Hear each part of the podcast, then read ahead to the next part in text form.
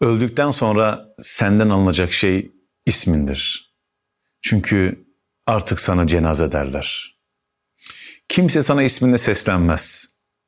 Toprağa verirken dahi adını zikretmeden şu cenazenin ucundan tut der birileri.